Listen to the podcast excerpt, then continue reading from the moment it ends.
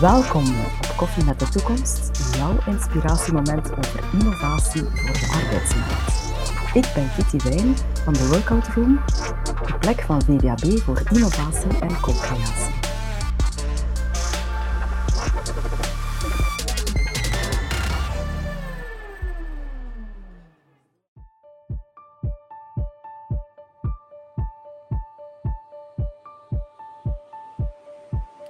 Goedemiddag allemaal.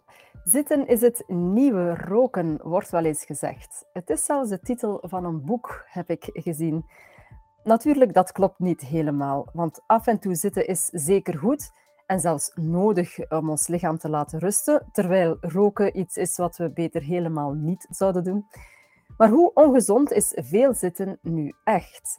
En wat kunnen we doen als we nu eenmaal een zittende job hebben? En hoe zetten we onszelf dan in beweging en welk effect heeft dat op ons werk? Die vragen ga ik zo meteen stellen aan Brecht Buisgaard en Matthias Franchot van het bedrijf Springbok.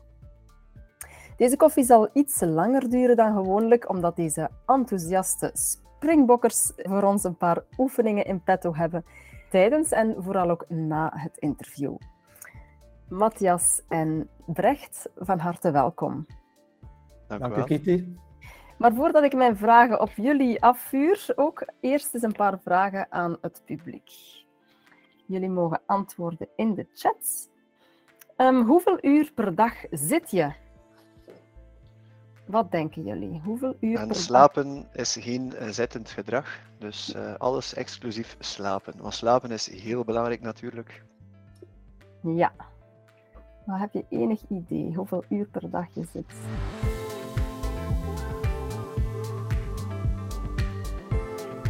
Ik heb soms het gevoel dat ik 24 uur min 8 uur slaap. dat ik zo'n 16 uur per dag zit wel.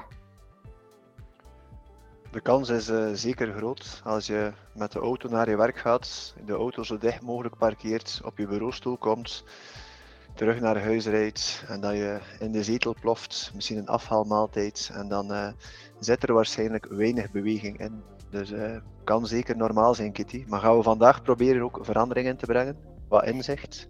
Ja, daarvoor zijn jullie hier. Maar ik zie ook in de antwoorden dat er toch wel mensen ja, 9 uur, 10 uur, 15 uur, 12 uur, toch ook heel grote aantallen. Hebben jullie een idee van het gemiddelde? Absoluut. Gemiddeld zet de Vlaming 8 uur, 8,3 uur per dag in de actieve werktijd. Dus uh, in de, de tijd dat je wakker bent, dus eigenlijk tussen het opstaan en het gaan slapen. Dus is uh, eigenlijk, eigenlijk ja, een gemiddelde die te veel is, want de norm waar we eigenlijk naar streven is toch een zevental uur maximaal. En uh, het gaat er ook over dat je die zettijd, dus dat chronisch zetgedrag, want daar zitten de grootste gezondheidsrisico's, Kitty. Dus dat je dat chronisch zetgedrag eigenlijk gaat gaan onderbreken met, wij noemen dat de term wisselwerken, met eigenlijk uh, ja, doorheen de werkdag eigenlijk het zetten gaan afwisselen met rechtstaan en beweging. Dus uh, de norm daar, eh, maar straks ga je daar misschien ook nog een trucje rond, eh, rond vertellen. Eh, de norm daar gaan we straks ook wel duiden. Want ik heb zelfs gelezen dat een gemiddelde Vlaming, maar dat is wel een cijfer van wat terug, dat is misschien ondertussen sinds corona nog vermeerderd, 4,5 uur televisie kijken alleen al is. Dat is dan nog los van het werk, dat is dan gewoon de avondactiviteit. Als dat het gemiddelde is, dat is ook zitten natuurlijk. Absoluut, absoluut. Brecht inderdaad is een onderzoek van gezond leven, 8,3 uur. En ik denk in 2018 maar ik denk uh, door het vele thuiswerken in 2020, 2021, dan zie je ook, dan zit je thuis aan je bureau, misschien heb je geen zit-sta-bureau, ga je terug aan de tafel gaan zitten, doe je misschien geen wandeling met de collega's, blijf je langer doorwerken. Dus ik denk, er is nog geen recent onderzoek of cijfers kenbaar, maar ik denk dat het zeker niet minder zal zijn uh, dan 8,3 uur. En dat zie je hier ook in, uh, in de chat natuurlijk, dat mensen ja, vooral daartegen struggelen natuurlijk, die aantal zituren. Ik heb een tweede ja. vraagje. In welke mate is jouw bedrijf al bezig met beweging tijdens de werkuren? Is dat uh, al een gedragen concept in jouw bedrijf? Staat dat nog in kinderschoenen? Is dat ondermaats of helemaal niet, antwoordt iemand al? Dus in welke mate is jouw bedrijf daar al mee bezig? Birgit geeft ook nog een leuke tip. Ondertussen rechts staan. Ja, zeker als je, het, als je het webinar gewoon volgt, hè, Kitty, dan is het zeker en vast een uitnodiging om dat recht staan te doen. Hè. Eh, Ja. veel mensen hebben niet altijd een Bluetooth headset, maar als je zelf niet veel moet inbrengen, dan houdt er u eigenlijk niets tegen om toch recht te gaan staan tijdens dit webinartje. Hè. Ja. Zeer weinig. Weinig tot niets. Dus misschien, eh, Kitty, als je deze sessie opneemt als podcast, ook gewoon melden, eh, best deze podcast al wandelend beluisteren in plaats van eh, in de zetel te ploffen. Dus en, ja, ik ken heel wat mensen die dan eigenlijk zeggen van kijk, we willen wel wat leren en luisteren, hap, ga gaan wandelen in de natuur en de podcast, maar ook even goed om eens zonder geluid natuurlijk te genieten van de natuur of van de stilte bijvoorbeeld. Maar misschien bij deze een tipje om mee te geven. Ja. Ja, want soms tijdens mijn lunchpauze durf ik het al wel eens doen om een webinar eh, te beluisteren, bijvoorbeeld, of een podcast. Maar dan, ja, eigenlijk zou dat ook eens gewoon zonder iets moeten doen. Ik vond dat wel een goede wat je zegt. Gewoon genieten van de stilte is ook heel absoluut. waardevol. Maar je hebt vaak toch het gevoel, ja, ik moet werken, ik moet werken. Ja, dat is wel zo. Wat zegt Joël? Eén keer in de week, 15 minuten via de sportdienst, bewegingsoefeningen tijdens de middag. Weinig tot niets, We zien vooral, eh, Kitty, heel veel mensen die, eh, waar er weinig zaken zijn. Daarom komen ze natuurlijk ook wel luisteren, denk ik. Om te zien van, ja, hoe kunnen we het aanpakken en zo verder. Dus eh, zeer, zeer nuttig. Ja, staanbureaus, dat hebben we ook al. Maar het is toch precies vrij bedroevend.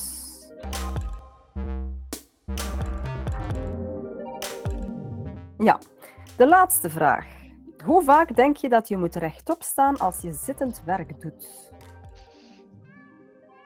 Om de hoeveel uur of om de hoeveel minuten dien je eigenlijk het zitten te doorbreken? Ja, dat is de vraag. Ja, dus dat, dat wisselwerken waarover dat we gesproken hebben, om de hoeveel tijd. Nu inderdaad recht staan of bewegen om geen gezondheidsrisico's of die toch alleszins te verminderen. 20, Er zitten zeker enkele juiste antwoorden tussen. Ja, ook om de enkele twee foute uur. antwoorden. Om, de, om het uur, elk half uur, om de twee uur. Ja. Vertel, wat is het juiste antwoord? Elke 20 à 30 minuten eigenlijk eventjes 1 à 2 minuten het zitten te doorbreken. Ja, het eerste wat mij natuurlijk opviel is jullie naam, Springbok. Ik vind dat een hele leuke naam. Vertel eens, wat is het verhaal daarachter? Goh, eh, Kitty, er zijn heel veel ehm, redenen waarom het Springbok geworden is. Ik ben met mijn vrouw naar Zuid-Afrika op huwelijksreis geweest. hè. We zagen daar heel veel Springbokjes lopen in Zuid-Afrika en eh, Botswana en Namibië. Dus dat, dat beestje heeft mij ook altijd enorm getriggerd en geïnspireerd. hè. De, het Zuid-Afrikaanse rugbyteam noemt ook de Springboks. Vond ik ook wel een bepaalde dynamiek en schwung hebben. Je hebt ook het turntoestel, het Springbok turntoestel, waar je een positieve sprong vooruit maakt. Ik ben ook gans mijn leven in de scouts geweest. dus, eh, en dan kreeg je eigenlijk een, een, dier toegewezen in de jongverkenners. En dat was destijds bij mij genoeg. Ja, eh, competitieve genoeg is dat geworden. Eh, maar als ik nu de oefening doe, met wat ik wel met Springbok berekende organisaties, en dat zijn eigenlijk groepen mensen en die gedragsverandering krijgen, dan eh, kwam ik eigenlijk op basis van karaktereigenschappen uit bij het diertje Springbok, bij Scouting Totem. Okay, dat is een, leuke app waar je die oefening kunt doen. Op basis van eigenschappen kom je bij een dier uit. Eh, dus dat maakte ook dat ik getriggerd was om richting een Springbok te denken. En als je dan eigenlijk gaat gaan kijken wat een Springbok doet in dienste van een groep, dus eh, de groep helpen en ondersteunen om bijvoorbeeld te vluchten van gevaar, dan vond ik dat ook wel heel goed passen bij, bij onze organisatie.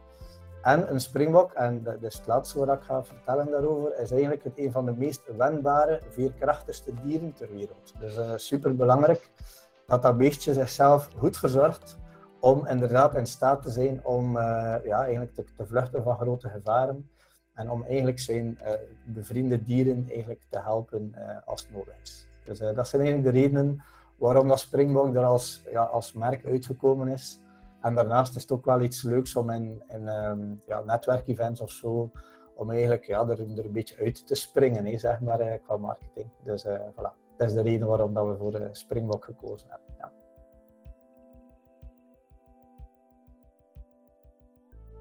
Wat was jouw persoonlijke drijfveer om met Springbok te starten?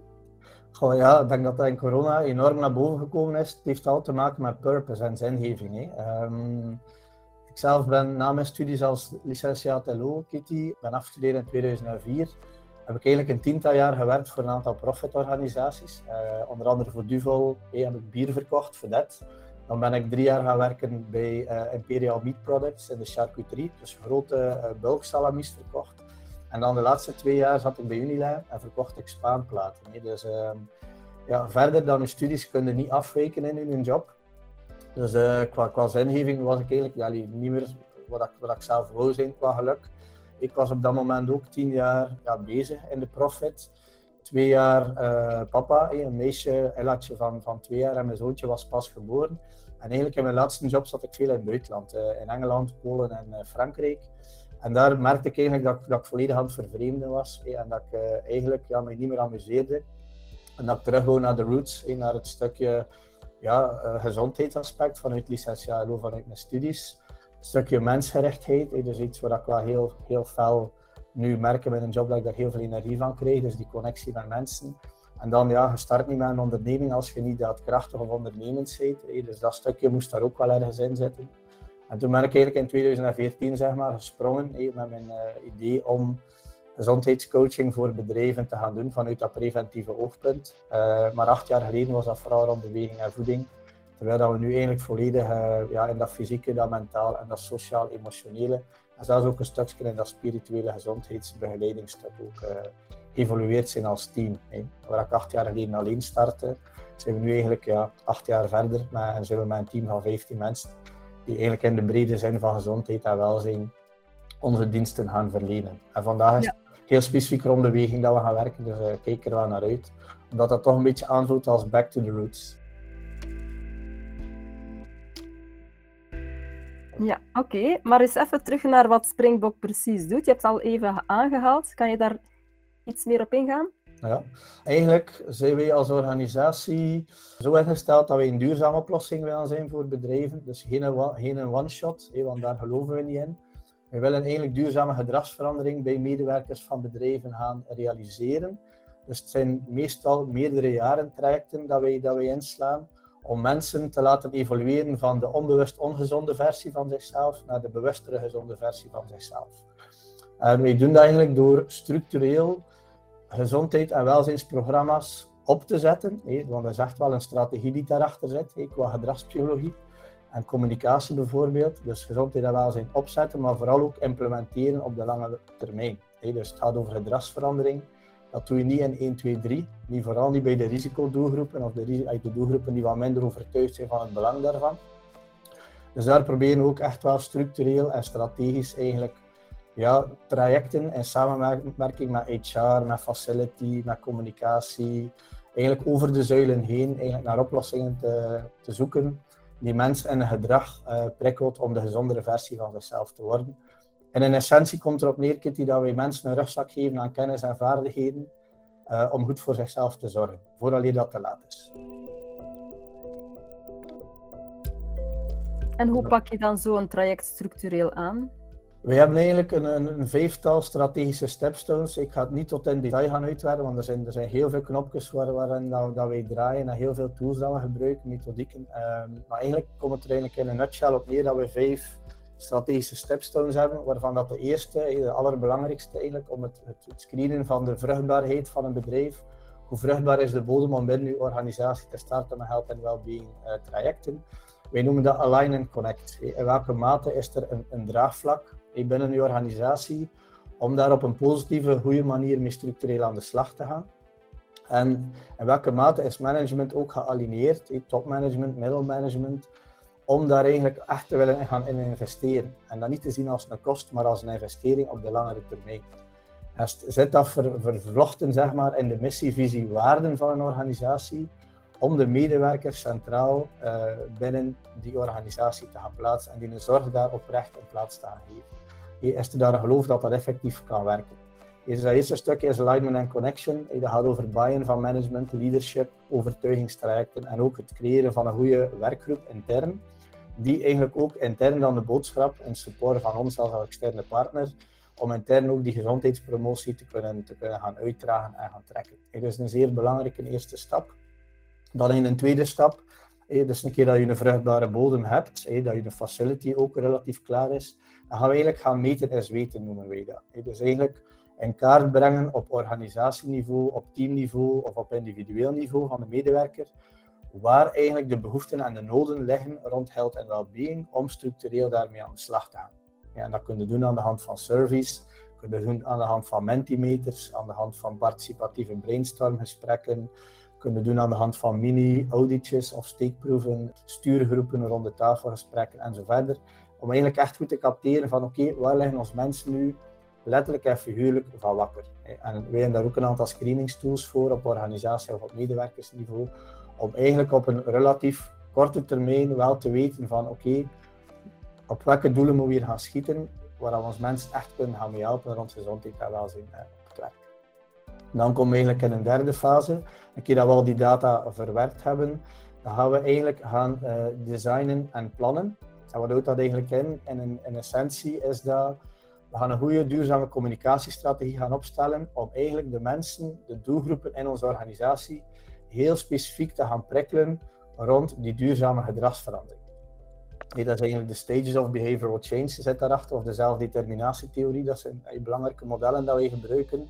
Het ABC van gezondheidscoaching, om mensen vanuit een intrinsieke motivatie, vanuit de kracht van de groep en vanuit voldoende kennis eigenlijk en een duurzame gedragsverandering te gaan krijgen. En daar gaan we eigenlijk Hans project planning rond gaan doen.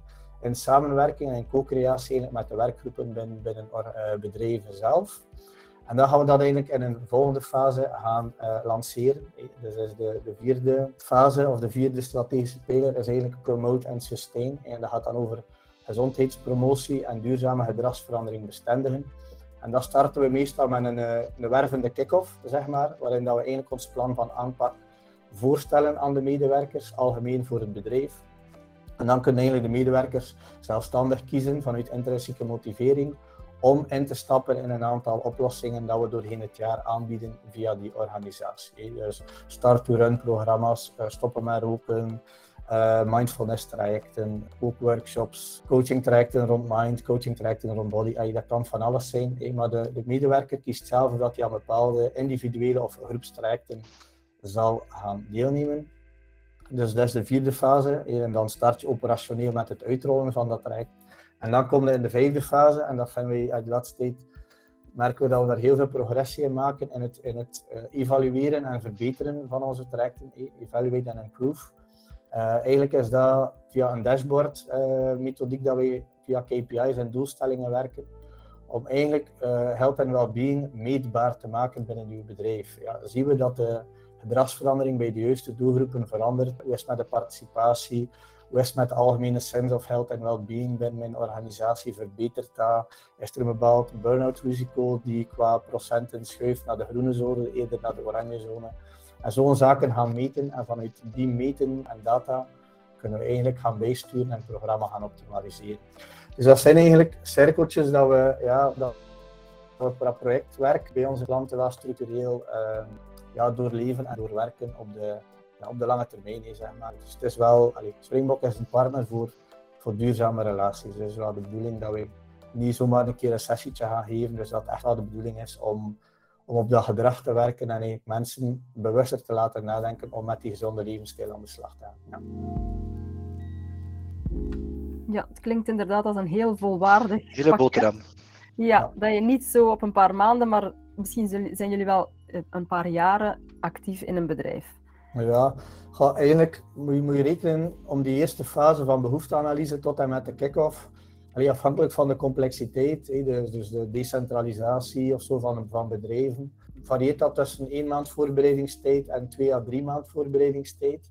Dus dat je moet rekenen om die behoefteanalyse en die werkgroepcreatie tot en met de kick-off, dat je eigenlijk wel nodig hebt om zoiets, uh, om zoiets te starten. Wat het leuke daarvan is dat de overheid daar nu ook heel veel ondersteuning in biedt. Dus via de werkbaarheidschecks je eigenlijk heel dat voorbereid traject ook via subsidie doen. Dus waardoor je eigenlijk 10.000 euro kunt recupereren puur om te werken rond strategie en operationele opstart van dergelijke trajecten binnen je bedrijf. Dus dat zijn hele mooie cadeaus, waar wij merken dat heel veel bedrijven dat stapje of dat duwtje in de rug wel nodig hebben om daarmee, om daarmee te gaan starten. En een bewegingsbeleid is er zeker en vast waar we het vandaag over gaan hebben, ook een structureel onderdeel van. En waar moet je dan rekening mee houden om zo'n strategie succesvol te laten verlopen? Ja, voor mij is een van de allerbelangrijkste uh, management buy-in. Dat wil niet zeggen dat je niet heel veel trajecten van onderuit ook kunt, motiveren en, en, daar de hoesting kunt rond creëren. Maar wij merken toch dat dat een gigantische sleutel tot succes, hey, dat, dat management buy-in verhaal is, of dat leading by example stuk.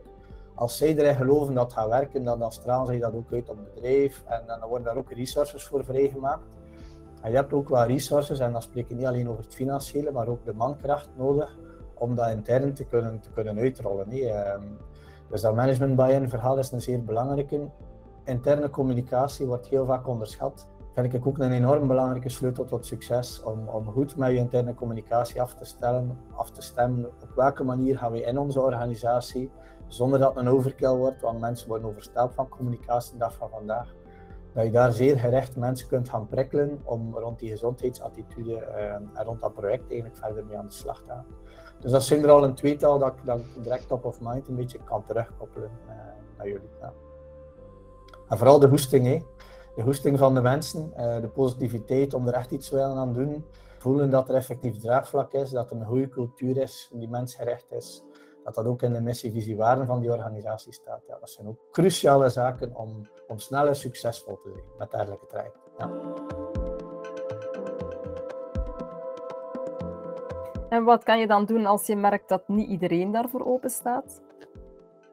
Ja, dat is een hele goede vraag. Vooral je niet frustreren, je niet te veel laten opjagen. Ik denk dat dat een belangrijk is. Gedragsverandering is iets waar iedereen op zijn eigen tempo moet kunnen inrollen. En ik denk dat de metafoor dat ik er heel vaak voor gebruik, Kitty, is de metafoor van het, uh, het bergtreintje.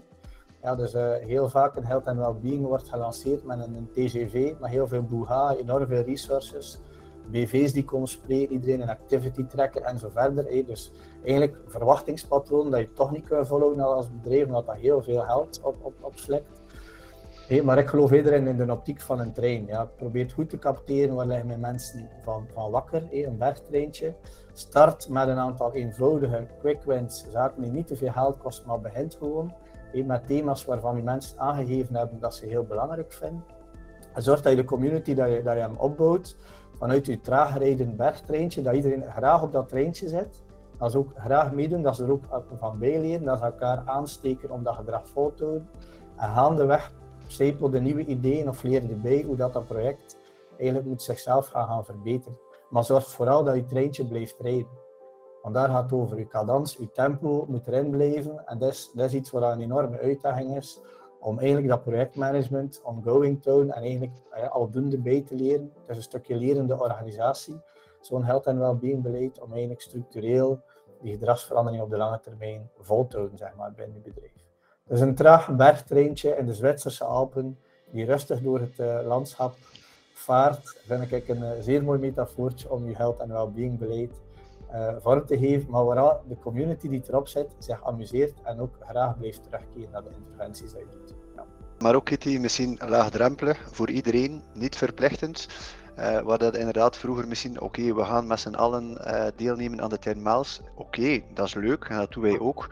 Maar inderdaad, stress, fysieke klachten, dus ook een laagdrempelig beleid waar door die bevragingen die wij doen om die, die, die bottom-up betrokkenheid mee te krijgen, om daar te zien waar liggen de mensen van wakker. Slaap, stress, work-life balance, om daar ook oplossingen op te bieden, stap voor stap. Niet alles direct in één keer, anders inderdaad is het te veel, maar dus zo om mensen ja, mee te krijgen in het verhaal.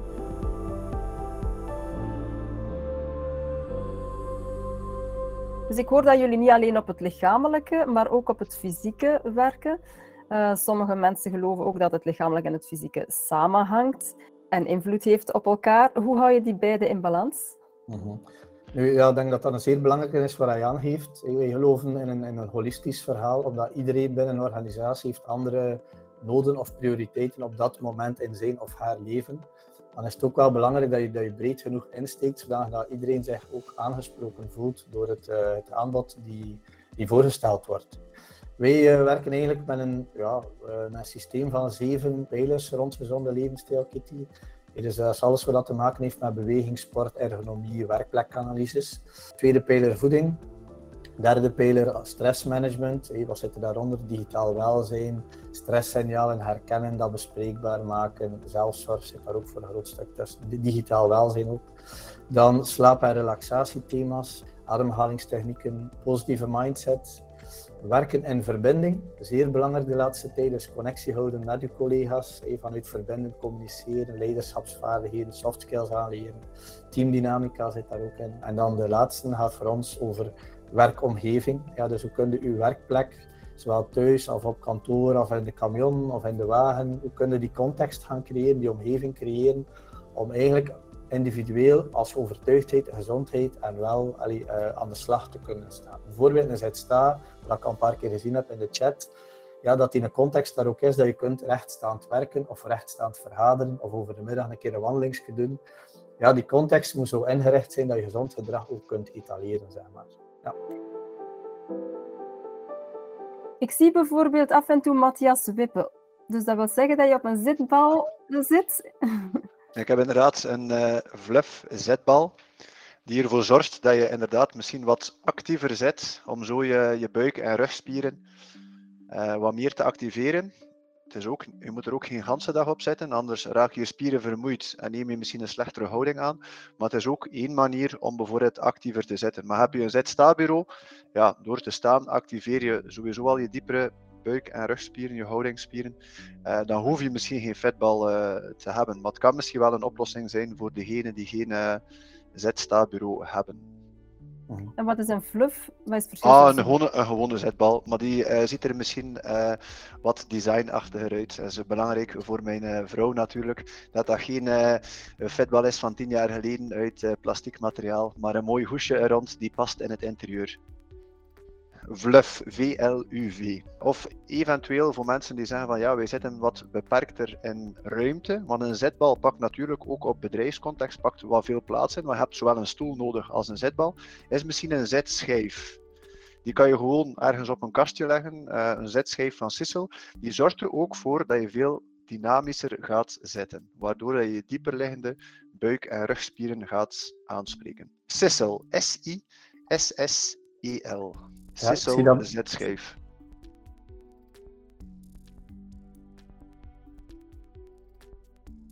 Ja, uh, heren, loopt het soms ook wel eens mis tijdens een traject bij jullie in zo'n bedrijf? Absoluut. Uh, zoals dat Brecht ook zegt, door omstandigheden kunnen zaken mislopen. En dat kan liggen aan, oké, management is niet 100% mee. De communicatie was niet 100% uh, zoals dat we eigenlijk dachten uh, dat het ging lopen oké, er kan daar een tegenvaller zijn waardoor dat sommige projecten ja, niet volledig floppen natuurlijk, maar niet het voorop uh, gehoopte resultaat halen. Dus dat kan, dat kan zeker, Kitty. Brecht, wat zijn zo belangrijke lessons learned over de jaren? Ja, wat ik vooral gemerkt heb, zeker in het begin van Springbok, dat ik nogal snel de fout gemaakt heb om op elk project ja te zeggen en met een, uh, met een structureel programma te starten, ook al was het bedrijf daar niet klaar voor. En dat komt eigenlijk met een good news show, met veel positiviteit, met zo'n schwung aan dynamiek in dat bedrijf. En eigenlijk zie je die mensen kijken naar u van, gast, wat komen wij hier doen? Eigenlijk, allee, zouden beter bezig zijn met, met positieve bekrachtiging van ons dagelijks werk. En het geld als investeren in dit programma, dat is dat investeren in mijn loon. eigenlijk voelt dat er geen buy-in is bij, bij de medewerkers zelf, omdat de cultuur, bedrijfscultuur, niet vanuit die zorg voor de medewerkers vertrekt. En als we ergens echt wel ja, slechte projecten hebben, omdat we merken dat we geen community hangen, is dat meestal omdat, we, omdat de cultuur van een bedrijf daar ook niet klaar voor is om met die positieve zorg voor de medewerker echt aan de slag te gaan. Nu, dat wil niet zeggen dat we ook in, ons, in onze coaching trajecten uh, niet af en toe een keer iets doen wat dat minder succesvol is. Hey, dat, dat gebeurt ook. Hey. Omdat we dikwijls te veel hooi op ons vork nemen om, om mensen in het dagelijks werk te engageren aan bepaalde coaching trajecten. Ik kwam nu vanmorgen bij Accent. en daar, daar, was het inderdaad heel moeilijk om na de relance van corona mensen ook nog een keer te laten, uh, tijdens de werktijd laten deelnemen aan bepaalde sessies en daar ook engagement van te verwachten. Dus daar hebben we gezien dat we daar een beetje de, ja, moet dat zeggen, de bal gemist hebben. Dus gaan we nu ook dat programma gaan bijsturen in functie van bedrijfscultuur, de workload. Dus het is eigenlijk ook wel ja, een continu leerproces, ook heel dat verhaal. Hè. Je hebt sowieso je basisingrediënten van, van ABC, dus het stukje autonomie motiveren, uh, dat mensen zelf instappen vanuit goesting, dat er daar ownership op zit. Het dan dat stukje bonding, dus de groepsdynamica die zwart dat je gedrag volgt. En dan het stukje de C van competentie, dus dat mensen de kennis en de vaardigheden hebben om goed voor zichzelf te zorgen. Ja, en soms is die een cocktail van die drie een beetje te veel in een bepaald project, waardoor dat, je, ja, dat mensen dan op parcours de route durven al een keer af te haken. Maar goed, ja, dat is bezig zijn met mensen en met gedragsverandering. Het is geen um, one size fits all, zeker niet. En ik denk dat dat ook juist is wat ons, wat ons blij maakt en ons uitdaagt in ons werk. Om continu kritisch te zijn als consultants, als coaches, om, om te blijven zoeken naar wat gaat er werken naar die specifieke doelgroep in dat bedrijf. En dat is, overal anders, want die context bepaalt zoveel wat de mogelijkheden zijn qua communicatie, qua coachingvaardigheden, qua leiderschapsinterventies enzovoort. Dus uh, ja, er zijn veel ingrediënten die moeten goed stromen om het, uh, om het goed te kunnen doen. Ja. Maar jullie hebben ondertussen ongetwijfeld ook al een good practice, een bedrijf waar jullie wel heel mooie resultaten zien of opmerkingen hebben gekregen van mensen die heel blij zijn. Kan je daar een voorbeeld van geven? Ja, we hebben sinds uh, kort, de laatste twee jaar bijvoorbeeld, dat was onder een specifiek thema binnen Volvo, een rugtraject gedaan. Dat is dan rond ergonomie. Maar weet dat uh, in 2020 57% van het ziekteverzuim veroorzaakt wordt door fysieke klachten. Ja, en uh, natuurlijk in fabriek, zware voorwerpen of heffen en tellen, ja, zal dat nog hoger zijn. We hebben daar eigenlijk twee rugtrajecten gelanceerd en daar zagen we ongelooflijke verbeteringen. mensen waren super tevreden dat ze het aangeboden kregen, maar zagen ook heel veel verbeteringen in de rugklachten of in de kracht, mobiliteit van de rug. Dus er, er werd een fysieke test gedaan bij het begin. Er was uh, een individuele opvolging, er waren groepsessies. Er waren wekelijkse tips en tricks rond de rug met wekelijkse video's of info die ze konden vinden uh, via een platform. En er was deze week en vorige week een afsluit. Dus hertesten. En dat is een mooie case study rond een specifiek thema. Eh, niet rond het ganse beleid bijvoorbeeld, maar ik denk ook Schoenen Turfs, eh, toch al acht jaar een vaste klant van uh, Springbok Coaching, een van de eerste klanten, of de eerste klant misschien van, uh, van Brecht toen hij begon in 2004, tweede klant, waar we toch ook elk jaar, als ik terugkom of ik kom een winkel binnen, ah, dag Matthias, ja, dus, dus we zijn daar altijd super welkom. we denken daar ook continu mee, dus ook naar die evaluatie toe van hoe kunnen we het voor de medewerker uh, leuk, interessant. Niet alleen leuk, het moet niet altijd fun zijn natuurlijk. Het moet ook onderbouwd zijn. Maar ik denk dat dat ook zeker een, uh, een, een, een leuke, mooie klant is. Waar we toch uh, succesverhalen mm. hebben. Ja, ik wil, ik wil, nog iets aanvullen, Matthias, om iets, om iets praktisch vast te nemen. denk bijvoorbeeld de power breaks dat we doen in uur recent. Dus we hebben eigenlijk heel eenvoudige power breaks. Dat zijn eigenlijk energizers, beweegtussendoortjes. Je noemt het hoe dat je het wilt in je communicatie Waardoor dat we eigenlijk, zeker in coronatijden, waar dat, verbinding, of in dat hybride werken, waar verbinding tussen collega's toch wel een uitdaging is, dan merken we dat die, die powerbreaks daar wel een oplossing uh, voor zijn. Dus wat doen we daar eigenlijk? Samen met de bedrijven kiezen we twee dagen in de week, waar we eigenlijk morgens tussen 10 uur en 11 uur, of tussen 2 en 3 in de namiddag, zo'n kwartiertje inplannen, om mensen via een online sessie te verbinden met elkaar en ondertussen wat oefeningen samen met hen te doen. Dus dat zijn eigenlijk ja, groepsworkouts maar heel, heel kort, dat dat mensen niet te veel in de productiviteit stoort. Maar waarom dat we ze wel uitnodigen om in groep deel te nemen. Ze zien elkaar, het is een funny beleving. En ondertussen leren we ze ook wat bij rond relaxatiethema's, een ademhalingsoefening, een bodyscan. Maar evenzeer ook rond, rond spanningspijnen, RSI, ergonomieproblematieken. Uh, waardoor dat ze eigenlijk ook iets bijleren, maar door iets te doen. En vooral door in connectie te komen met elkaar en, en elkaar toch nog een keer te zien al is groep ook terug weer online, maar toch dat helpt wel om het zitten eigenlijk te gaan, te gaan doorbreken. Ja, prachtig. En dat doen jullie specifiek voor bedrijven of hebben jullie dat toevallig ook in open aanbod? Wel, wat we gemerkt hebben, dat een open aanbod tof is, maar wij doen het echt om die connectie met collega's te hebben. Dus als je in Altagem is nu zo'n bedrijf, 20 medewerkers, die doen dat wekelijks. En dat is echt een momentje dat ze connecteren als, als collega met elkaar. Dus is zoals dat je elkaar hier ziet, met tien mensen die meedoen aan die, aan die powerbreak. En mensen zien elkaar, ze vinden dat tof. Er is een check-in, er is een outro en tussenin doen wij ons ding als, als coaches. Dus die connectie ontstaat ook door zo'n ding te gaan doen. Als je een open sessie doet, dan is dat eigenlijk al veel moeilijker. Dan is dat meer een, een les dat je ex cathedra heeft, dan dat je, dan dat je die connectie ook hebt als, uh, als collega's. Dus de beide kunnen, maar wij hebben toch wel een voorkeur qua gedragsverandering en community building om dat eigenlijk in-house in, in organisaties te doen. Kijk, ik nog een tipje, uh, wat we bij Accent ook geïntegreerd hebben, is een, uh, elke leidinggevende, als ze powerpoints voorbereiden of, of een online webinar doen, dan worden ze eigenlijk bij wijze van spreken verplicht om om de tien slides daar een slide in te steken met een beweegtussendoortje. En dat zijn dan eigenlijk korte video's dan ofwel wij opgenomen hebben, ofwel zij opgenomen hebben, waardoor je eigenlijk een aantal oefeningen van twee, drie minuutjes demonstreert aan je collega's en dan doe je die oefening ook samen doorheen de presentatie die voorbereid is. En dat is eigenlijk een ideale tip om dat wisselwerken te gaan stimuleren vanuit leading by example. Dus je leidinggevende steekt dat er gewoon structureel in. En dan is er ook geen discussie, iedereen doet mee. Nu, wij, wij zijn dat ook, dat is hier nog altijd niet de norm, Kitty, om, om veel meer te gaan bewegen doorheen de, de, de werkdag of de week uh, tijdens die werkuren. Als je daar gaan kijkt in andere culturen, Japan is daar een fantastisch voorbeeld van. Mensen bij de start en het einde van de dag gaan ze altijd een collectieve workout doen. Hey, rond 10 uur gaat er daar een muziekje af.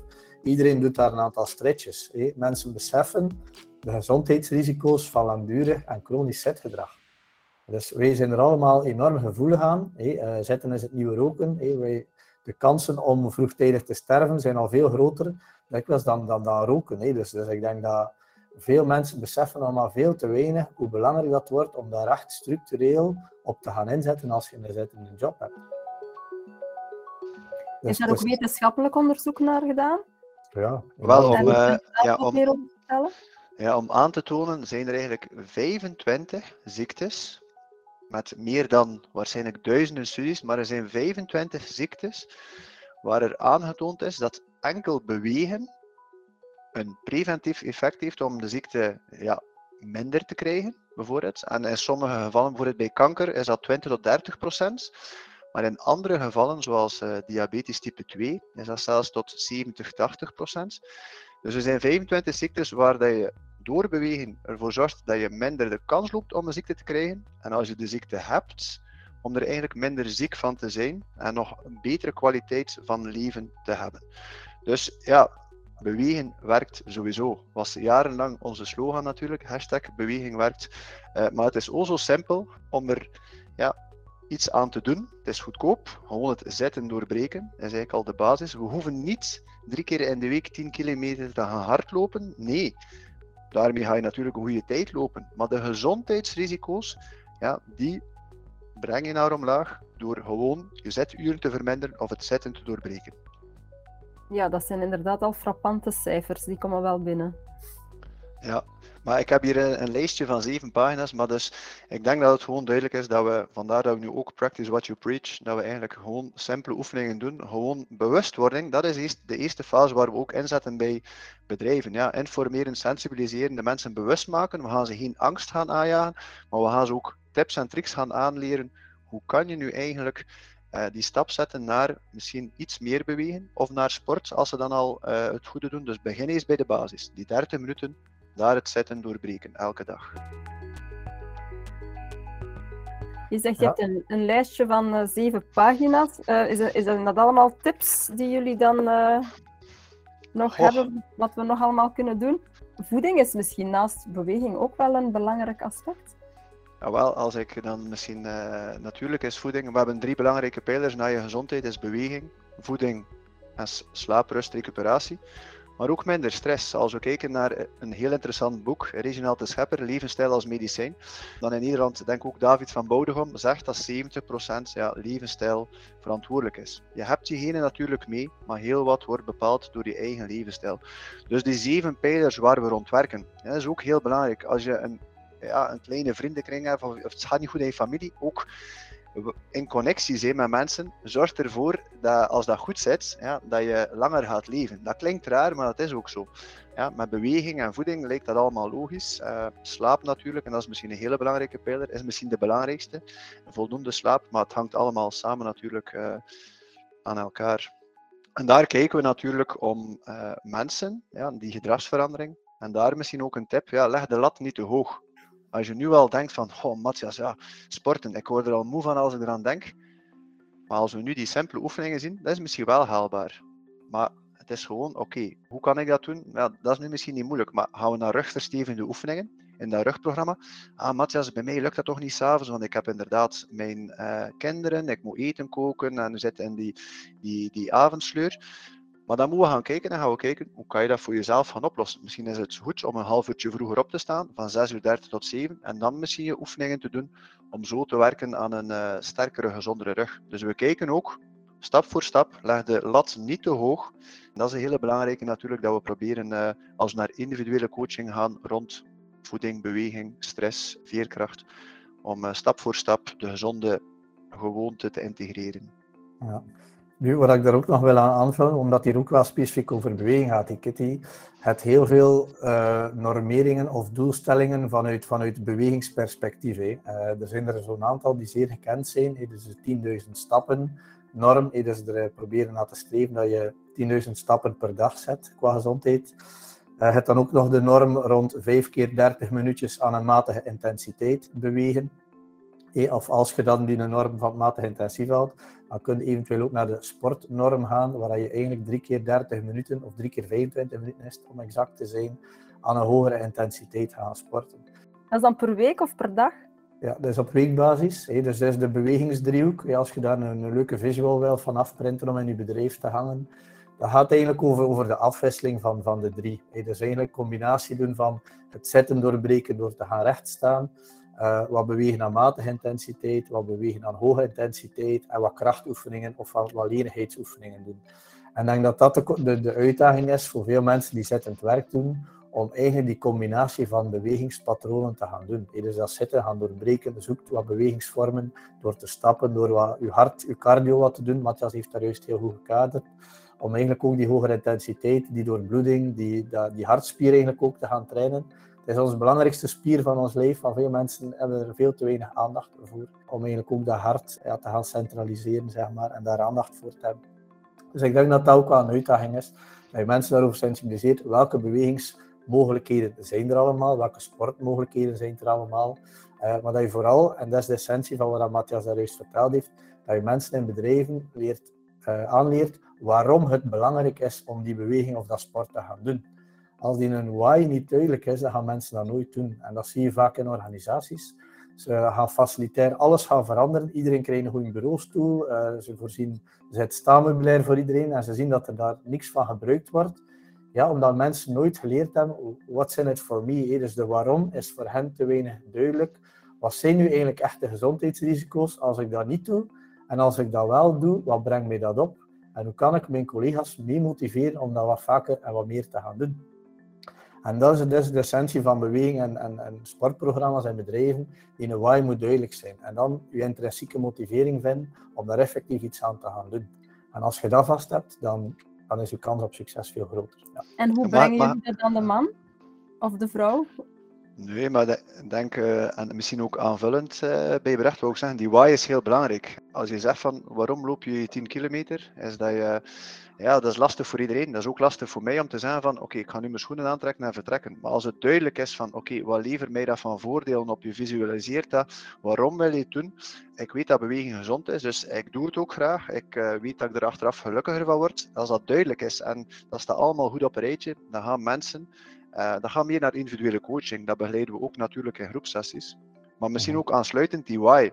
Als je dat van bovenuit, van het management, als dat niet duidelijk is, waarom doen we hier een gezondheidsbeleid, dat twee een beetje samen, dan gaat het ook niet werken natuurlijk. Dus daar in de missie en de visie van een bedrijf eh, moet het ook duidelijk zijn. De CEO staat erachter, waarom doe je het uh, beleid bijvoorbeeld, dat dat ook op een kick-off naar voren komt. Maar als mensen willen veranderen, dat het ook voor hen duidelijk is, waarom moeten wij nu inderdaad minder zitten? Waarom moeten wij nu twee stukken fruit per dag eten?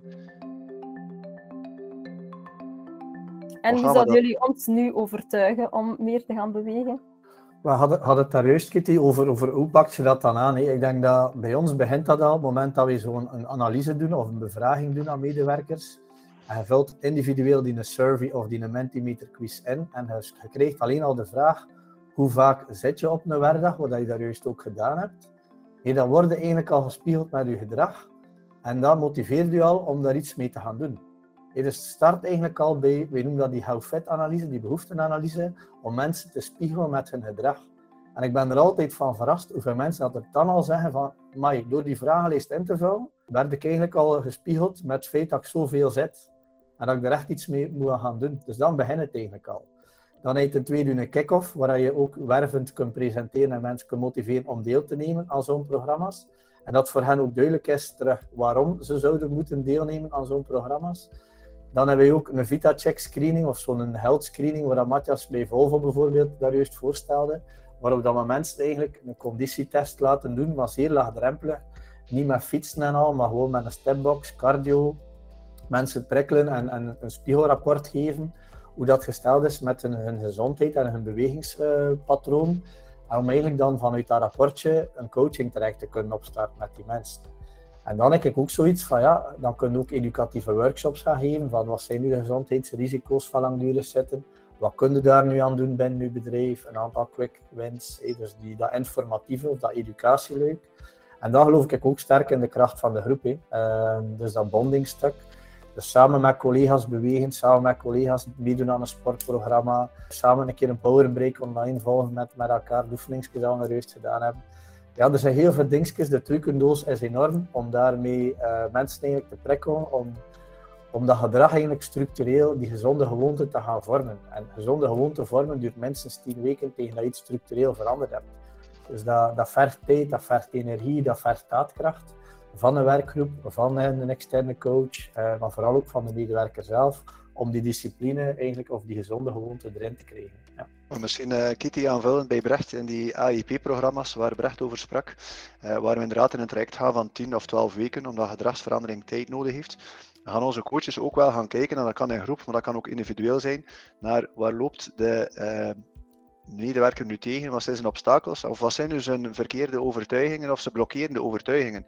Uh, dat gaat natuurlijk al wat ver, maar als dat niet aangepakt wordt, ja, dan wil misschien een persoon wel veranderen. De omgeving is niet stimulerend, dan wil je wel gezonder eten, maar uh, dus ook die dingen bekijken we natuurlijk om, om aan te pakken om het gezonde gedrag gemakkelijker of uh, te bestendigen. Belemmerende overtuigingen. En we horen, en we zien misschien, uh, Kitty, zouden daar ja, ja. mensen die zaken uh, publiceren, zoals een resistant bands. Oké, okay, zo zijn ook zaken die we, die we aanbieden, omdat eigenlijk ja, voor 7 euro in de Decathlon kan je een resistance band kopen. Je kunt je online heel veel opzoeken, maar je kunt ook een mailtje sturen naar info.springbokcoaching.be om misschien een eerste resistant bands training in je bedrijf te geven, om zo op de juiste manier oefeningen te doen naar rugpreventie bijvoorbeeld, of rugletselpreventie. Wat ik frappant vind aan jullie verhaal is dat jullie vooral ook beweging promoten tijdens de werkuren en niet gewoon tijdens de lunchpauze of zo. Dat is wel al een, uh, een belangrijke die ik meeneem. Allee, en, en natuurlijk, het is niet dat je dan tijdens de lunchpauze moet gaan zitten. nu, ik ga eens kijken naar Leen, of dat er ondertussen al vragen vanuit het publiek zijn binnengekomen via de chat. Ja, de, niet zo heel veel, maar um, ja, net een, een, vraag van Pieter uh, vond ik zeker heel interessante. Van, uh, want ik heb zelf nu ook een uh, zit-sta of sta-zit bureau. En um, hij vraagt van ja, kunnen de mensen ook te veel staan? En dan bijvoorbeeld bij bandwerk, waar raad je dan aan? Hè? Want ehm, ja, voor te sporten zijn ze vaak nog te moe. Dus, perfect, Leen. Dus zeker waar als je kijkt naar productie. Daar ook het, het, voor, het voorbeeld van vrachtwagenchauffeurs. We hebben toch enkele truckersbedrijven waar ik momenteel werkzaam ben. Maar ja, bij mensen die de hele dag recht staan, is het misschien juist omgekeerd. Daar is misschien een goede losmakingsoefening, een goede stretch tijdens en vooral nadien misschien belangrijk. Bij mensen die de hele dag zitten, ja, de combinatie. Een keer een stretch, een keer een activatie. Maar als je al 15.000 stappen doet op een dag, ja, dan moet je niet zeggen van ah, je moet het zitten doorbreken en je moet meer bewegen. Nee, die kuiten zijn misschien al overactief, want ze wandelen ongelooflijk veel rond. Dus rond het zitten doorbreken, dat is geen issue daar. Maar ook heel wat rugklachten hebben gewoon te maken met lang hetzelfde te doen. En is dat nu lang zitten of is dat nu lang staan? Het wisselwerken, dat Brecht al een paar keer verteld heeft, dat is juist een klein beetje de oplossing naar minder fysieke klachten eh, natuurlijk. Ja. Het is inderdaad die, die variatie en houding die, die zeer belangrijk is. Als, als het specifiek dat gaat over mensen in productie, daar heb je ook wel wat oplossingen. Want, want, heel vaak kun je ook niet zoveel veranderen qua, qua je positie aan de band. Er bestaan bijvoorbeeld ook stabilisatiematten, waardoor dat je eigenlijk je, je staatpositie wat gaat gaan verzachten. En dat je eigenlijk ook je core stability voor een stuk gaat gaan activeren, waardoor je ook eigenlijk een beetje aan, aan de, de discus ont, ontlasting voor een stukje gaat gaan werken en dat je de core stability ook voor een stuk gaat gaan, eh, gaan versterken. Dus dat is eentje waar je, je zeker en vast ook kunt meenemen. En daarnaast kunnen ook je mensen die rechtstaand werk doet, uh, doen, eigenlijk ook, ook gaan educeren hoe dat je eigenlijk best ook rechtstaand werkt. Ja, en daar zijn een aantal cues voor, maar het is al daar juist ook al aan, de bilspieren opspannen, de navellichtjes intrekken, de schouders naar achter brengen, je voeten proberen op, op schouderbreedte te plaatsen. Dat zijn bepaalde cues die ook qua educatie, nudging is ook zo'n leuke communicatiemanier, waarop dat je mensen eigenlijk via affiches op een, op een eh, leuke manier eigenlijk prikkelt om die gezondheidsattitude, want het gaat daar ook over, om dat meer en meer structureel ook te gaan, te gaan implementeren. Dus, dus uh, ja, voor elke context zijn er wel specifieke oplossingen te gaan bedenken, maar rechtstaan is zeker en vast, zeker als dat structureel is, ook echt een uitdaging. Hey, rechtstaand vergaderen bijvoorbeeld is ook zoiets. Als je een meetingroom inricht met een rechtstaand uh, meubilair, zorg er dan bijvoorbeeld voor, zoals in een café, hey, dat, dat je aan een toog zo'n uh, een, uh, een hebt waar je ook je voet kunt op laten, laten op rusten. Dat, dat haalt ongeveer 40 à 50 procent van je druk op je discus weg.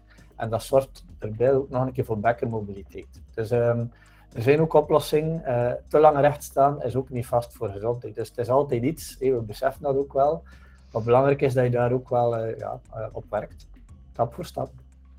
Ik zie, ook nog, ik zie ook nog bij Pieter inderdaad met die chauffeurs. Inderdaad, als je drie uur of lang internationaal vervoer hebt, dan is het natuurlijk niet mogelijk om het zitten te doorbreken om de 20 minuten. Maar in onze programma's werken wij ook rond preventie. Wat Brecht zegt, we kijken als ze aan, in productie bezig zijn, wat is nu de beste houding voor hen? Maar als hun rugspieren niet sterk genoeg zijn, als die mobiliteit niet voldoende is, dus daar gaan wij gaan werken. We gaan ze oefeningen gaan geven, we gaan kijken naar de juiste houding. En we gaan ze natuurlijk ook gaan educeren. Als ze dan aan een tankstation komen, ja, dat ze niet weer gaan zitten. Ja, dat ze misschien juist een korte stretch doen. Dat ze misschien een resistance bands oefening doen om eventjes te rekken. Dus het is gewoon de combinatie. Maar weet natuurlijk, ja, als je drie uur rijdt in een auto, dat is nooit ideaal. Maar er zijn wel mogelijkheden om het te kunnen verbeteren.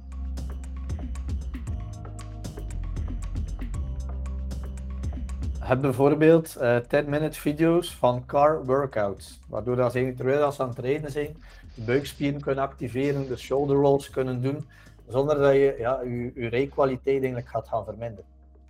Om een, uh, om een voorbeeld te geven, je, je sprak daarnet, net, daarnet sorry, over succesverhalen. Ik denk dat Sophie, een collega van bij ons, heeft in een uh, productiebedrijf, hebben we eigenlijk een drietal, viertal warming up en cooling down video's opgenomen. En daar is het fenomenaal hoe het leeft. Ja, maar daar hebben we uh, heel wat zaken al gedaan. Zijn we ook rustig gestart. En daar, echt waar, doen ze samen met een kleine groepje de 5 tot 10 minuten warming up en cooling down oefeningen. Maar hebben ze ook structureel de tijd vrijgekregen om dit te doen. Doe je dat niet, dan zal dat misschien iets minder aanslaan. Maar de werkgever is er natuurlijk daarvan overtuigd en de wetenschap ondersteunt het ook, dat een vette medewerker een veel productievere medewerker is. Het is niet omdat je acht uur op je bureau zit en dat je acht uur goed presteert natuurlijk. Dus uh, dat is ook een, mooi, een mooie succesverhaal van, ook van die kleine dingen die wij ook proberen te integreren in een bedrijf. Ja, en wat je daar ook ziet, ja, de CEO doet mee, of de teamleader doet mee, de productiechef doet daar mee. Ja, dat maakt dat er ongelooflijk veel buy-in is en dat er geen drempels zijn om, om, om mee te doen. Hè. Ja, en Willem, uh, Willem misschien ook heel lang werken. Ik weet niet, uh, ik ben daar minder onderbouwd, maar ze zijn ook aan het kijken om naar bijvoorbeeld in Scandinavië is het echt wel om vier uur sluiten we af bijvoorbeeld. Ja, dat is er ook wel aangetoond, ook de stress. Maar gaan we naar een vier dagen werkweek. Dus Willem, ja, dat is misschien ook wel iets uh, dat in de toekomst zal zijn, dat lang werken zal misschien ook wel een klein beetje moeten gewisselwerkt worden.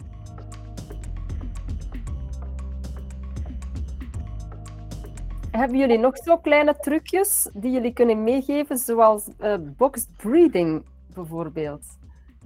Wat is dat precies? Komt ja. vanuit uh, de Navy SEALs. Ik ben eigenlijk minder ademhalingsspecialist, Brecht misschien ook niet, maar het is eigenlijk vooral om in stresssituaties ja, je cortisolgehalte, je stressgehalte naar omlaag te krijgen. En dit doe je door bijvoorbeeld in een, uh, een box breathing door uh, in te ademen, 5 seconden, 5 seconden vast te houden, 5 seconden uit te ademen, 5 seconden vast te houden. Ik wil, ik wil, er, nog aan, ik wil er nog aan toevoegen ja. dat dat eigenlijk te maken heeft dat we ons parasympathisch zenuwstelsel activeren op die manier. Dus wat Matthias zegt, cortisol verlagen, bloeddruk verlagen. En wat dat vooral zeer belangrijk is, vooral je in een stresssituatie komt en je doet de box breathing methode, dan ga je veel accuratere uh, beslissingen of uh, zaken uit de bergen brengen. Dus een zeer, zeer uh, efficiënt oefening eigenlijk om snel tot rust te komen maar ook workshops rond ademhaling doen wij. Vandaar misschien voor sommige mensen 5 seconden inademen is direct al een, een hoge drempel. Dus doe jij dat met 3-3, dan is dat een mooi begin natuurlijk. Want sommige mensen ademen te veel. dus het zou ook altijd wel een keer een leuke oefening zijn om elke keer te kijken hoeveel keer adem je nu jij per minuut. Want als je inderdaad naar die 5-5 gaat, voor sommigen gaat dat misschien al wat stress opwekken. Dus doe het op eigen niveau. We doen een goede 5 seconden voel je van oei, voor mij is dat nu eventjes niets, ja, dan ga je zelf naar iets minder. Maar probeer misschien naar het inademen, blokkeren, uitademen, blokkeren. En we gaan starten. Dus je ademt rustig in. Blokkeert. Uitademen. Probeer rustig uit te blazen, dat is heel belangrijk. Blokkeren. Inademen. blokkeren, uitademen, blokkeren, eventueel sluit je ogen, inademen, blokkeren, uitblazen.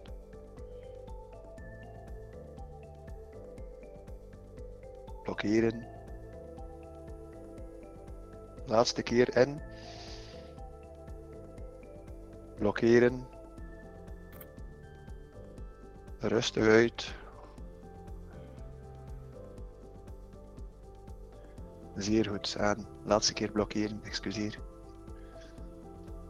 Dus de box breathing bijvoorbeeld, maar misschien een hele een hele simpele, misschien iets visueler is dat handademhaling. En zo kan je dan zelf kiezen. Maar ga je bijvoorbeeld inademen bij het naar boven gaan, uitblazen bij het naar beneden gaan. En zo kan je eigenlijk voor jezelf kiezen 2, 2 seconden voor het 3, 3, 4, 4, 5, 5. Weet om inderdaad het parasympathisch zenuwstelsel, om die cortisol, dat is je rempedaal zenuwstelsel, om dat meer te activeren, dien je eigenlijk onder de 10 ademhalingen per minuut te zetten, denk zelfs 8. Dus dat wil zeggen elke 6 tot 8 seconden. Uh, dus vandaar die 4-4, maar start ook stap voor stap. Ik, zie ook de, de, feedback van Willem, mond- of neusademen. Um, ja, er zijn heel veel, ja, uiteindelijk is het ook een gefaseerd gegeven.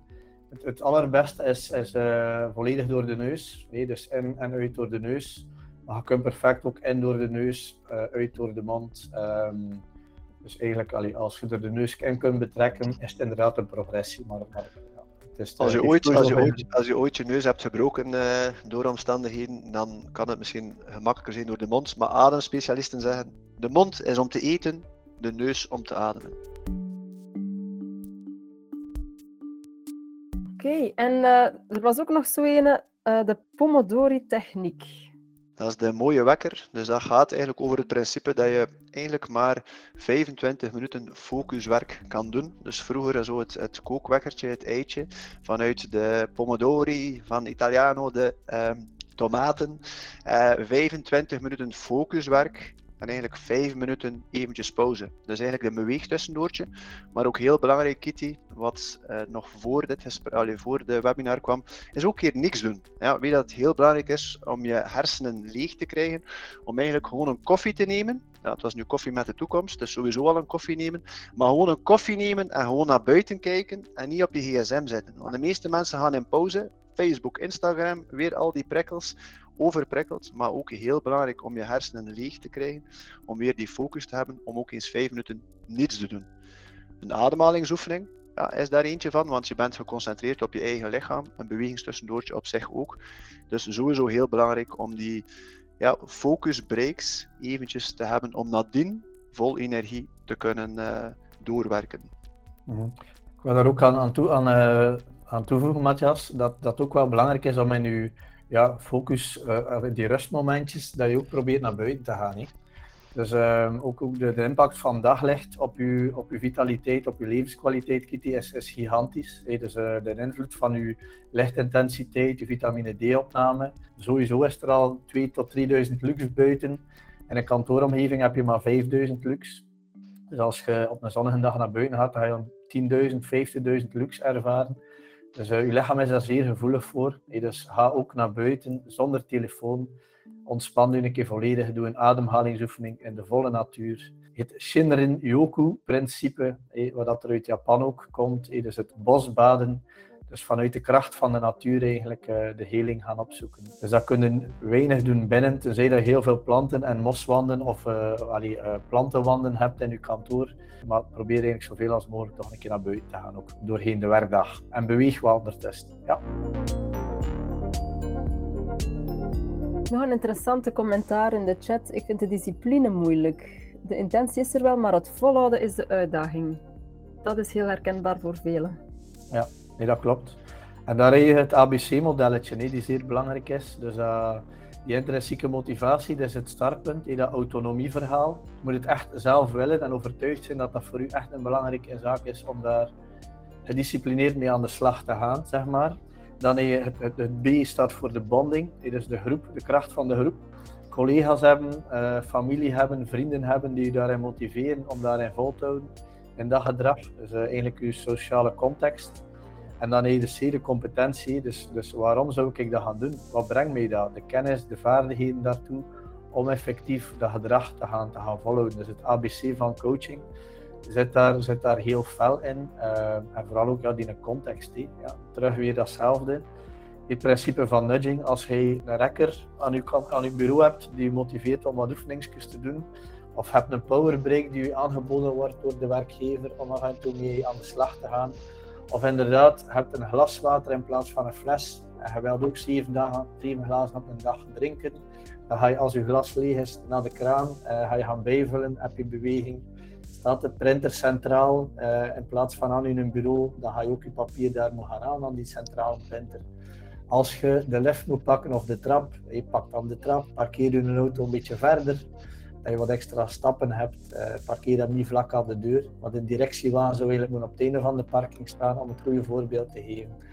Uh, er zijn nog dingetjes, hè, ja, het openbaar vervoer nemen en een, een halte vroeger afstappen bijvoorbeeld. Al zo'n ding. Wandel, wandelmeeting zaken die je eventueel, als je natuurlijk veel dient te schrijven, is misschien niet interessant, maar ik denk in veel uh, brainstorm sessies is het misschien wel handig. Je hebt een, een, klein schriftje dat je meeneemt, waardoor dat je buiten bent, vitamine D, ja, cortisol naar beneden, minder stress, beweging, spieren activeren en dan een klein schriftje als je toch wat zaken moet noteren. Dus dat zijn, dat zijn zekere zaken. Maar vanuit de power of habits, ja, begin klein en het duurt ook wel een 21 eh, dagen voor een simpele gewoonte om te veranderen. Maar dat we misschien ook, en sommigen is dat dan in de versterk rug, dan bekijken we, ja, hoe gaan we nu aan de slag? Ah, ik ga ze elke dag doen, mijn oefeningen, Matthias. Rustig, rustig. Want dan, dat lukt niet. Ja, hap, weer onthoogeld motivatie. Nee, zet kleine, haalbare stappen. En na 21 dagen, oké, ik heb mijn oefeningen drie dagen in de week gedaan, 15 minuten. Misschien mag het dan een stapje meer zijn. Dus ook uh, stap voor stap. Dus uh, leg, in de lat, de, leg de lat inderdaad niet te hoog, Kathleen, en uh, stap voor stap. En volhouden inderdaad, maar door stap voor stap te evolueren, counter je dat een beetje natuurlijk. Ja.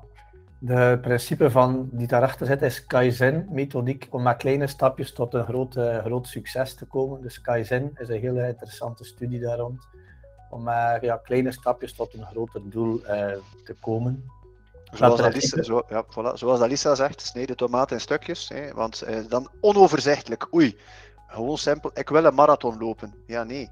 Ik ga gewoon uh, een paar keer vijf kilometer lopen. En dat is de marathon, bij wijze van spreken. En uh, snijd het op in kleine deeltjes en uh, stap voor stap. Ja. Wat ik daar juist ook nog wil toevoegen, Kitty, is eigenlijk, ja, dat zijn hier mobile devices. Hè. smartphone, tablets. Maar mensen gebruiken ze al zitten. Ze worden eigenlijk effectief mobile devices genoemd om ze ook al bewegend te gaan gebruiken. Dus als ik een telefoon krijg, dan ga ik dofies altijd gaan recht staan en een keer rond mijn huis gaan wandelen. Dus mensen proberen ook veel meer ook die reflex te hebben, een telefoon, of, of je collega's te stimuleren om wat vaker je gewoon op te bellen. Hé, Matthias, is nu niet aan het bellen. Uh, om gewoon als je telefoon krijgt, om ook recht te staan en die beweging te doen. Uh, nog een hele simpel, maar daar is ook dat leading by example stuk een zeer belangrijk. Ja, wandelmeetings, hè, wat Matthias zegt. In groepen tot drie, vier personen kunnen perfect wandelmeetings doen. Ga je veel creatievere uh, uitkomsten hebben dan dat je altijd uh, al zittend bepaalde meetings doet. Functioneringsgesprekken, doet dat al wandelend, groeigesprekken naast elkaar in plaats van zitten tegenover elkaar. Gaan mensen veel meer in een, een vrijere modus uh, babbelen en de zaken benoemen die er echt te doen in verbinding met elkaar. Dus dat zijn eigenlijk zaken dat kost geen geld, maar dat, dat heeft zo'n positief effect op onze vitaliteit en zijn zeer snel uh, te implementeren binnen bedrijven. Ja.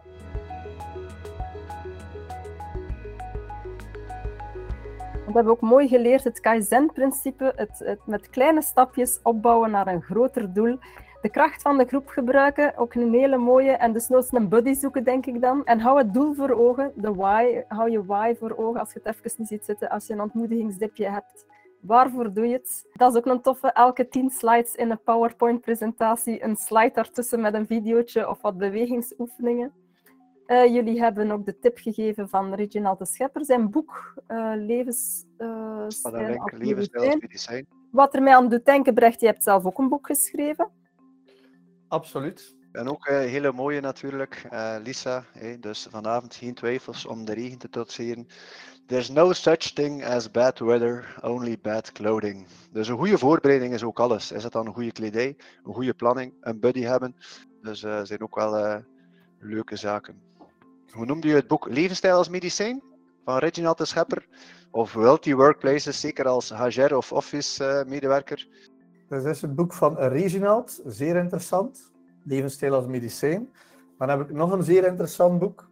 Laat je hersenen niet zitten. Van professor Erik Scherder. Dat is een, eh, de referentie in Nederland. Uh, rond neuroplasticiteit en de impact van beweging op uw hersenen en de zenuwbanen, ruggenmerg. En dan heb je het boek, ja, Wealthy Workplaces, omtrent welzijn en gezondheid op de werkplek. Opgebouwd uit drie delen.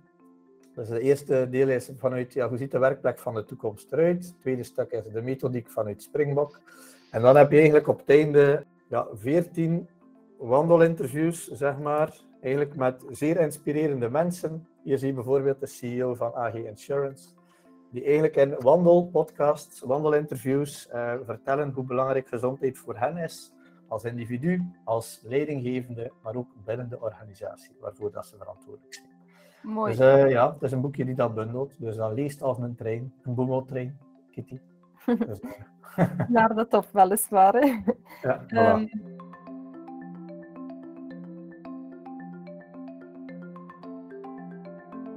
Dus hoe kunnen we nu ons management overtuigen om hier meer werk van te maken? Beweging op de werkvloer tijdens de werkuren. Ja, ik denk dat de, de gezondheidsvoordeel, uh, Kitty, als je daar structureel gaat op inzetten, we spreken altijd naar directieteams, het gaat over return on investment kant, dus dat gaat dat puur over productiviteitswinst. Hoe, allee, hoe kun je eigenlijk gaan meten dat er effectief een, een, productiviteitswinst is in je organisatie, doordat mensen gezonder en vitaler gaan, gaan zijn in de organisatie. Dus de ROI, die is sowieso altijd al positief als je daarin investeert. Dus puur economisch zit er daar een bepaalde positieve waarde in.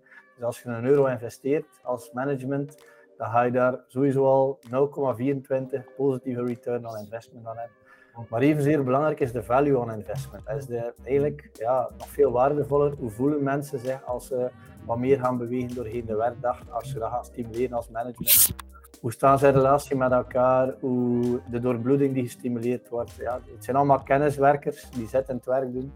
Dus ook naar hersencapaciteit, hersenactivatie. Dus sowieso heb je een positief terugverdieneffect dat je daarin investeert. Um, maar het allerbelangrijkste vind ik naar jullie directieteam is dat stukje leading by example. Als ze er zelf niet van overtuigd zijn waarom het belangrijk is om, daarin te investeren, dan gaat het heel moeilijk zijn om dat structureel te gaan implementeren. Dus ik stel voor eigenlijk dat we die mensen uh, uit hun kot lokken en in een traject proberen te steken, waardoor ze zelf een keer doorleven wat het inhoudt om wat meer te gaan bewegen in hun leven algemeen en wat het hen aan, aan gezondheidsvoordelen eigenlijk opbrengt.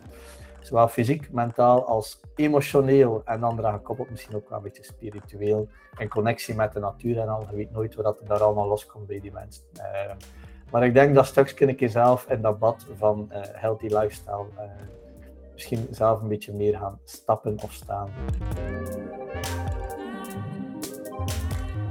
Nu, ik weet dat, uh, dat onze CEO heel sportief is, dus die zal misschien met u wel eens willen gaan wandelen om het daarover te hebben. Maar, ja, ik denk dat het in de brede zin van, van gezondheid en welzijn is. Hè. Ik denk dat ze daar moeten van overtuigd zijn dat dat niet helpt om maar op één of een bepaald thema te gaan werken. Het gaat echt over een structurele implementatie van het fysieke, het mentale, het emotionele gezondheidsstuk. En dat is wel belangrijk. Hè? Dus dat je daar op gedrag werkt, door je context aan te passen, door je individueel gedrag te gaan uh, ja, coachen, zeg maar, om daar mensen in te helpen om de gezondere versie van zichzelf te worden. Ik denk dat ze daar wel zeker van overtuigd zijn, want de cijfers rond burn-out en, langdurige afwezigheid zijn nog nooit zo groot geweest, ook binnen onze organisatie. Maar zeker ook naar die arbeidsmarkt. Er zijn op den duur uh, veel meer mensen die langdurig afwezig zijn, in verhouding zelfs met werklozen op de werkvloer. Kan je nog iets meer zeggen over die cijfers? Um, waarom dat dan nu zo belangrijk is om te bewegen? Ja, Matthias heeft het tijdens het webinar al kort aangehaald, maar 57% van de langdurige afwezigen heeft eigenlijk te maken met fysiek uh, gezondheidsaspect. Dus eigenlijk naar, naar gezondheidsrisico's is het belangrijk dat fysiek aanpakt. En daarnaast heb je sowieso de burn-out, de lange, lange termijn afwezigheden. Dus, dus meer dan 500.000 mensen in België zijn langdurig afwezig momenteel. Maar als je ziet dat meest van die afwezigheden komen eigenlijk vanuit de fysieke component ja, terwijl dat er nu heel vaak ook alleen maar gefocust wordt op dat mentale. Dus die combinatie van die twee zijn ook wel heel belangrijk dat je die tackelt in je projectmanagement. Kan je dan nog eens in andere woorden formuleren? Stel nu dat je 500.000 mensen hebt die langdurig afwezig zijn. Ja. 57% van die redenen waarom dat mensen langdurig uitvallen, is vanuit fysiek oogpunt. Dat zijn eigenlijk rugletsels. Dat is eigenlijk de grootste component die ervoor zorgt dat je zo langdurig eh, afwezig bent. Dus dat is veel minder dan eigenlijk het, mentale stuk. Ik ga niet zeggen dat dat mentale niet belangrijk is, integendeel, het is ook 43% van die, van die afwezigheden. Maar dat fysieke wordt vaak ook vergeten. Dus dat, dat zitten is het nieuwe roken, dat sedentariteitsverhaal is meer en meer ook een thema. Heffen en tellen binnen organisaties, rugletselpreventie. Dus die combinatie van die twee in een aanbod hebben is wel zeer belangrijk. Ja. Maar ligt er niet onder elke fysieke klacht een emotionele? Ja, dus dat wil ik zeggen, dat hangt ook allemaal samen. Je hebt eigenlijk die zeven levensstijlpijlers die eigenlijk allemaal even belangrijk zijn. Als je het ene verwaarloost, als je bijvoorbeeld altijd slecht slaapt, moet je nog veel bewegen, maar als je niet slecht, niet goed slaapt, ja, dat, dat, dat een gaat het ander niet opvangen. Dus het is wel belangrijk dat je die zeven levensstijlpijlers, waar Reginald de Schepper ook in zijn boek over schrijft, dat je die probeert in je levensstijl en in je levensmomentum, zeg maar, work-life integratie, dat je dat probeert aan te pakken volgens wat je nodig hebt op dat moment. Maar je, moet ze allemaal wel soigneren. Nee. Die connectie is belangrijk, die stressmanagement is belangrijk, dat slaap is belangrijk, je voldoende bewegen is belangrijk, je gezonde voeding is belangrijk, je mindset, je positiviteit is belangrijk. Dat hangt allemaal samen. Dus het is een, een, een ecosysteem van gezond gedrag.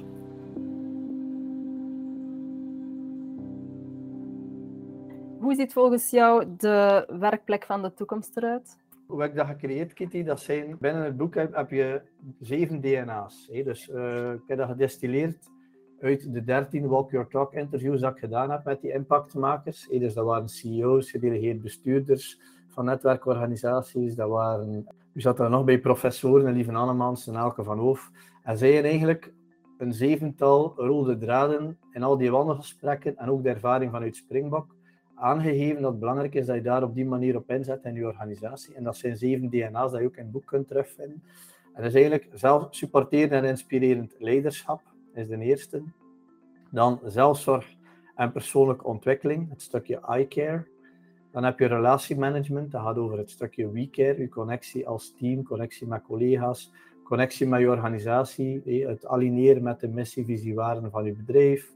Dan heb je de vierde, de wealthy context en het creëren van een veilige haven. Dat is dan het stukje it care, meer het materialistische verhaal, het, uh, het facility stuk.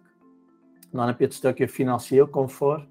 Dus daar gaat het eigenlijk over dat je financieel voldoende zekerheden hebt om je levenskwaliteit eigenlijk te kunnen borgen op de langere termijn. Dus dat, dat stukje.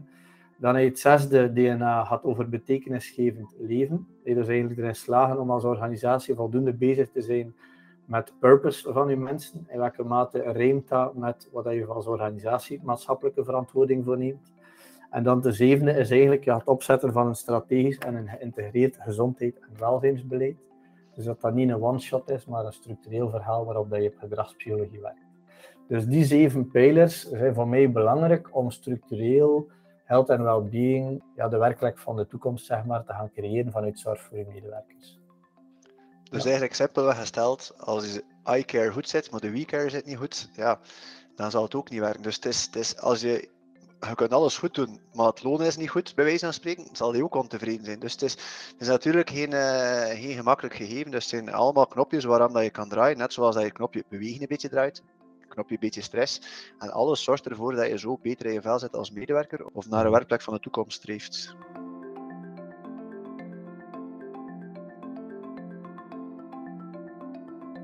Hebben jullie nog een uh, laatste boodschap? Uh, ik heb me geamuseerd, Kitty. Ik vond, uh, ik vond het leuk om het in die format hier te doen. ik, dacht, ik dacht dat we tijd te weinig hadden.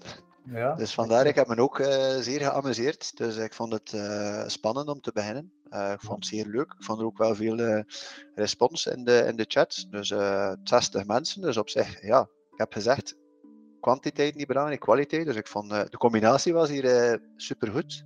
Ik heb vooral ook gevoeld dat mensen enthousiast waren om er iets mee te doen. En dat deed niet altijd. Dus ik vond wel de interactie, als je wel, en via de chat ook, dat, dat je hoesting creëerde bij de mensen die aanwezig waren om het, om het zelfstandig op te nemen. Dus dat vond ik ja, dat is eigenlijk onze missie waarom dat we het doen. Dus ik denk dat we zeker een aantal mensen geïnspireerd hebben om er daadwerkelijk mee aan de slag te gaan. En ook, eh, en ook als ze een video aanzetten, want het is niet zo frustrerend als je dan zegt van we doen iets rond uh, powerbreak of beweging, zetten allemaal een video uit. Dus dat was hier ook goed. Hey, het is logisch dat sommige mensen dat uitzetten en alle respect daarvoor.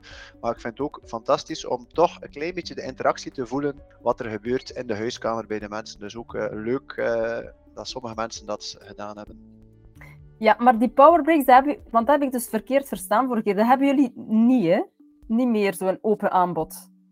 Ah nee, een open aanbod niet. Dat jullie dat zelf, uh, bijvoorbeeld op dinsdag om 9 uur en donderdag, dat mensen gewoon van gelijk welke organisatie inloggen en van jullie nee. 10 minuten... Maar dat is een, denk ik een kans voor de VDAB ja. om al jullie klanten daar in een open sessie op uit te nodigen en dat wij die sessie verzorgen bijvoorbeeld. Dat kan wel, hè.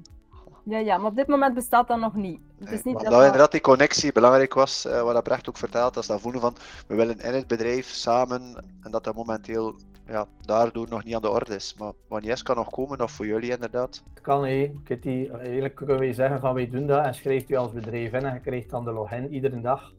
En je betaalt dan een vaste fee voor. Eigenlijk zou je dat kunnen doen. Maar wij geloven echt sterk in die samenhorigheid. En in de mensen die elkaar kennen, die elkaar motiveren. Dat die camera aanstaat, dat er keer gelachen worden. Ja, en als je dat dan met duizenden in één, in sessie zit, ja, dan zie je weer maar een nummer. En ja, die human touch is voor ons wel een, zeer belangrijk. Ja, je ziet dat soms zo met meditatiesessies of zo, dat je een vast aanbod hebt elke week. En, en om duur kennen mensen daar elkaar ook wel. Het is alleszins iets om te gaan bepleiten uh, bij ons management. Dat zou heel leuk zijn om dat te hebben. Elke ochtend zo. Wij bieden dat ook heel bewust zeer goedkoop aan, omdat dat maar een kwartiertje is, om mensen daar ook echt te motiveren om dat te doen. Ja, dan, ja, dan is dat niks als je dat spreekt over al de mensen die daar dan in die sessie zitten. Dus ja.